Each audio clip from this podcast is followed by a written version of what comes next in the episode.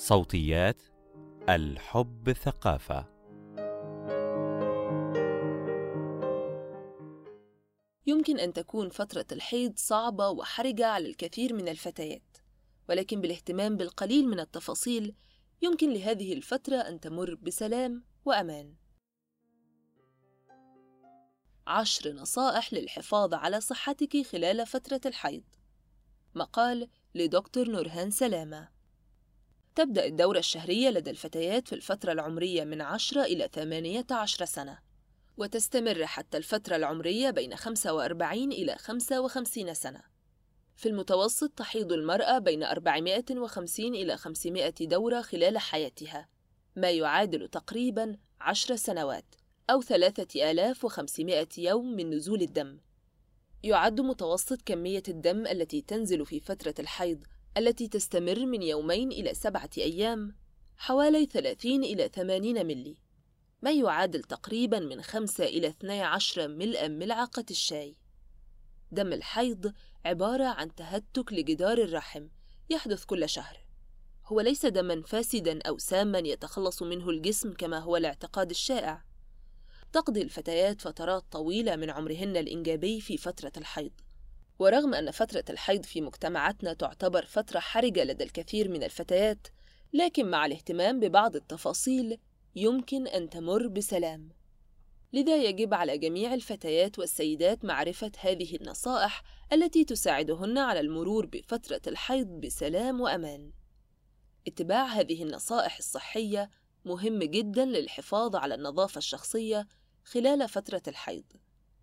ويمكنها أيضا أن تجنبك مشكلات صحية مثل التهاب المسالك البولية، عدوى الجهاز التناسلي، متلازمة الصدمة التسممية، وهي حالة نادرة تسببها نوع من البكتيريا تؤدي إلى حمى شديدة مفاجئة وطفح جلدي وانخفاض في ضغط الدم، وأيضا قد تسبب الفشل الكلوي. والآن ننتقل إلى النصائح. واحد: استخدام المنتجات التي تريحك وتناسبك. من المهم اختيار المنتج المريح لك والذي يناسب جسمك وطبيعة الحيض عندك. هناك العديد من المنتجات مثل الفوط الصحية بمختلف أنواعها، وقد تتغير المادة المصنعة لها أو الأحجام. يوجد أيضا التامبون أو كأس الحيض، وغيرها من المنتجات التي يمكن اختيارها حسب المتوفر في السوق. يجب استخدام منتج واحد فقط أثناء فترة الحيض.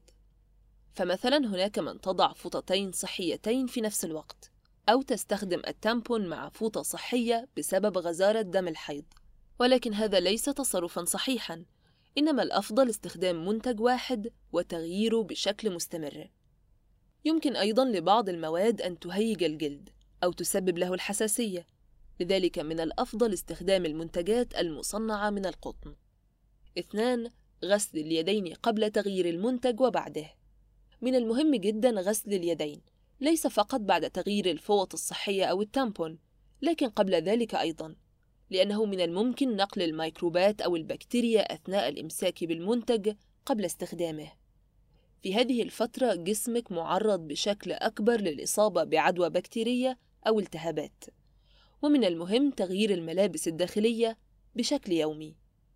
ثلاثة تغيير المنتجات بشكل مستمر. من المهم جدا تغيير المنتج باستمرار. مهما كان نوعه وحتى إذا كان التدفق ضئيلا لأن استخدام المنتج لفترة طويلة قد يؤدي إلى التهابات أو عدوى وأيضا قد يؤدي إلى رائحة كريهة. يفضل تغيير الفوط الصحية كل أربع ساعات على ألا تزيد الفترة عن ست ساعات. أما التامبون فيجري تغييره من أربع إلى ثماني ساعات. أما كأس الحيض فيمكن استخدامه من 6 إلى 12 ساعة مع الالتزام بمعايير النظافة والحفاظ على كأس الحيض بعد انتهاء كل دورة.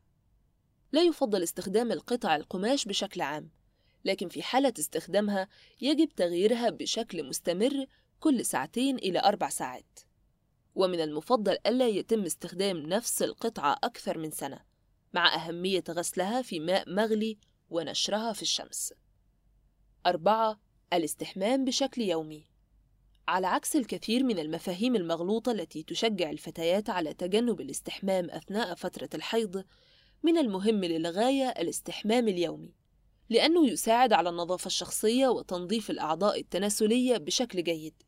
يساعد الاستحمام بالماء الدافئ أيضا على تحسين الحالة المزاجية بشكل عام وتقليل تقلصات الحيض وآلام الظهر وتقليل الإحساس بالانتفاخ.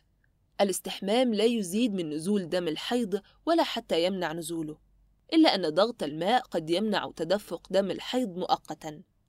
من المهم تجنب الدش المهبلي أو غسل الأعضاء التناسلية الخارجية بالصابون لأنه يغير من حموضة المهبل ومن الممكن أن يدخل البكتيريا الخارجية أثناء استخدامه ويقتل بكتيريا الجسم الجيدة. ينظف المهبل نفسه من خلال الإفرازات المخاطية. وليس هناك داع لتنظيف المهبل بالصابون وإنما الاكتفاء بالماء فقط. خمسة ممارسة الرياضة. ليس هناك ما يمنع من ممارسة الرياضة بأنواعها المختلفة في فترة الحيض ولا تؤثر سلبا على صحتك بالعكس. ممارسة الرياضة سوف تساعد على تقليل إحساسك بالألم وتقليل التقلصات. لا داعي لتأجيل تدريبك من أجل الحيض في العموم. يمكنك ممارسة رياضتك المفضلة المعتادة. إذ يمكن ممارسة المشي أو الكارديو أو اليوغا أو حتى تدريبات القوة إذا كنت تمارسين الرياضة بشكل مستمر 6.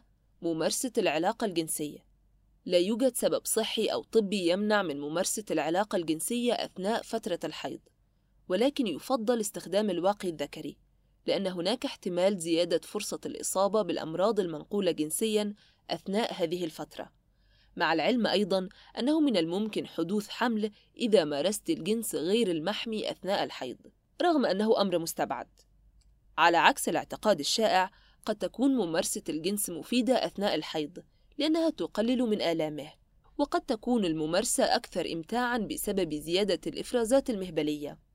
سبعة استخدام المسكنات في حين أنه يمكنك استخدام قربة المياه الدافئة والاستحمام بمياه دافئة لتقليل الألم والتقلصات، إلا أن استخدام المسكنات في هذه الفترة قد يساعد بشكل أفضل على التخلص من الألم أو التقليل منه.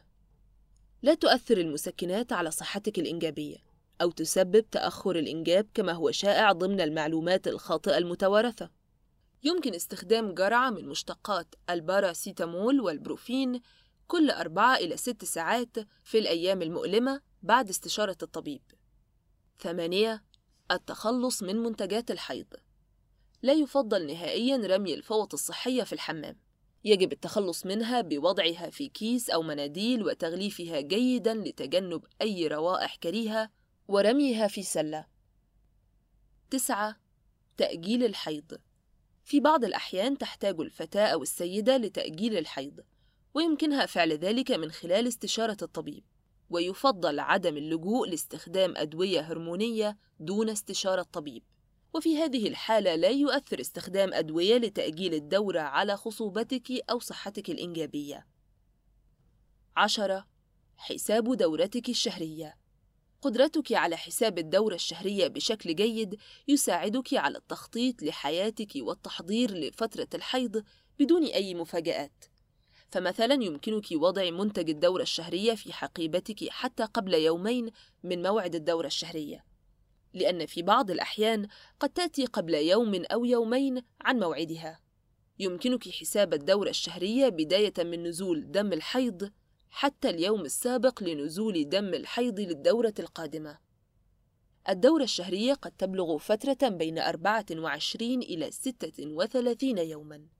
ويمكنك الاستعانة بالعديد من تطبيقات الهاتف التي قد تساعدك على تحديد موعد الدورة القادمة. الالتزام بهذه النصائح قد يساعدك على مرور بفترة حيض آمنة مع الاستمتاع بالقيام بمهام يومك العادية. ملحوظة أخيرة: لا يقتصر نزول الدورة الشهرية على النساء، ولكنه يشمل بعض العابرين جنسيًا أو الذين يختبرون الانزعاج الجندري. وهذا المقال يقدم نصائح لجميع من يمرون بالدورة الشهرية بغض النظر عن هويتهم الجنسية.